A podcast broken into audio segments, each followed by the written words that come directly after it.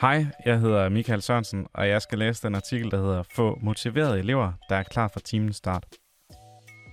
Jeg skrev artiklen, fordi jeg oplevede, at øh, mine egne elever kom slenderne sådan lidt efter, at timen egentlig var startet, og at når timen var godt i gang, egentlig stadig ikke rigtig havde elever, som var klar til at modtage læring. Så jeg dykker lidt ned i, hvad er det egentlig, der sker, og øh, jeg vil gerne dele nogle sådan rimelig konkrete tips til, hvordan vi kan få motiverede elever. Artiklen kommer her. Få motiverede elever, der er klar fra timens start. De fleste undervisere kender til lektioner, der starter for sent og kommer dårligt fra start. En god og anderledes struktur på måden, undervisningen starter på, kan være løsningen. Som underviser har man altid travlt, og der er meget at nå igennem en lektion.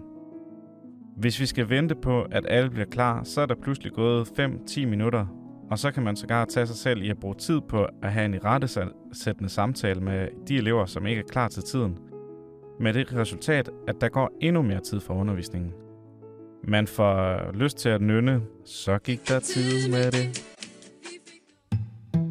I den her artikel der vil jeg dykke ned i, hvilken betydning det har at arbejde proaktivt med elevernes adfærd. For når vi har de rettesættende samtaler med elever, så siger langt de fleste, undskyld, men det var jo bare fordi. Og selv når vi har haft samtalerne om ikke at komme for sent, så sker det samme igen og igen. Der er forskellige grader af motivationer, der spiller ind.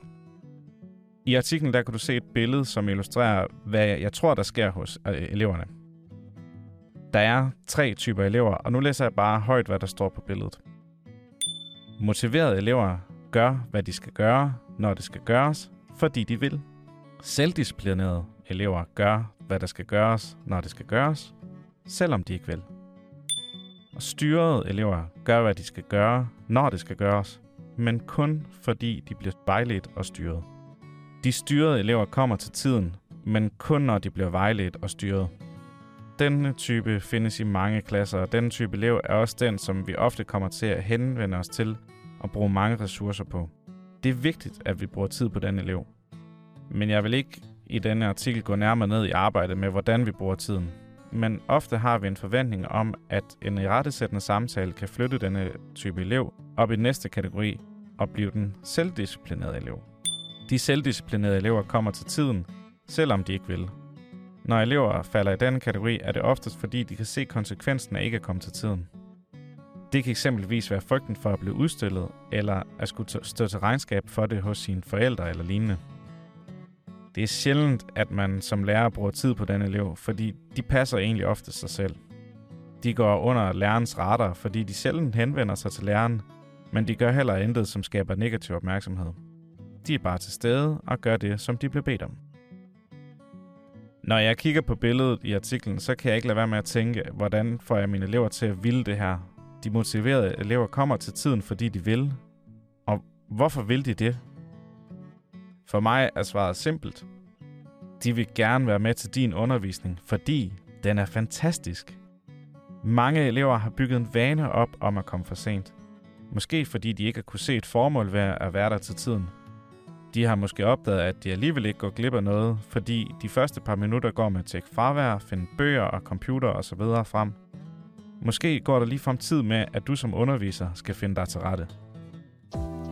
Giv eleverne en grund til ikke at komme for sent. Der er ingen tvivl om, at eleverne spejler sig i det, du gør som underviser. Hvis du altid kommer slendrende med en kop kaffe i hånden to minutter for sent, så vil dine elever, uden du opdager det, også begynde at gøre netop det samme de afkoder det som om, at de behøver heller ikke gøre sig umage.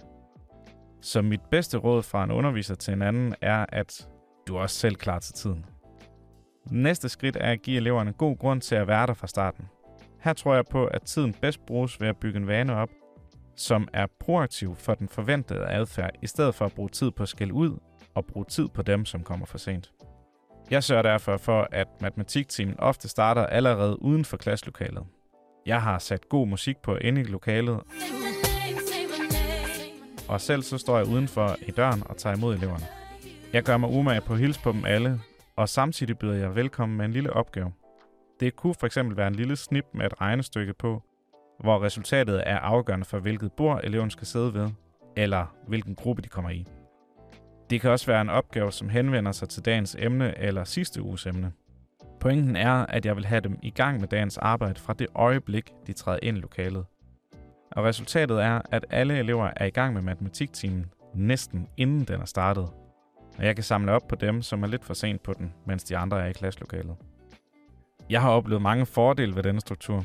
En fordel er, at de elever, som havde tendens til at komme for sent, de har oplevet, at det kan være afgørende for dem, om de er der til start med eller ej. De føler, at de er gået glip af noget, som enten var sjovt eller som havde en betydning for dem. En vigtig fordel er også, at eleverne fra start er i gang med dagens opgaver, og så har jeg bedre tid og mulighed for at samle op på dem, som kommer for sent eller har brug for at give mig en besked, uden at hele klassen skal vide det.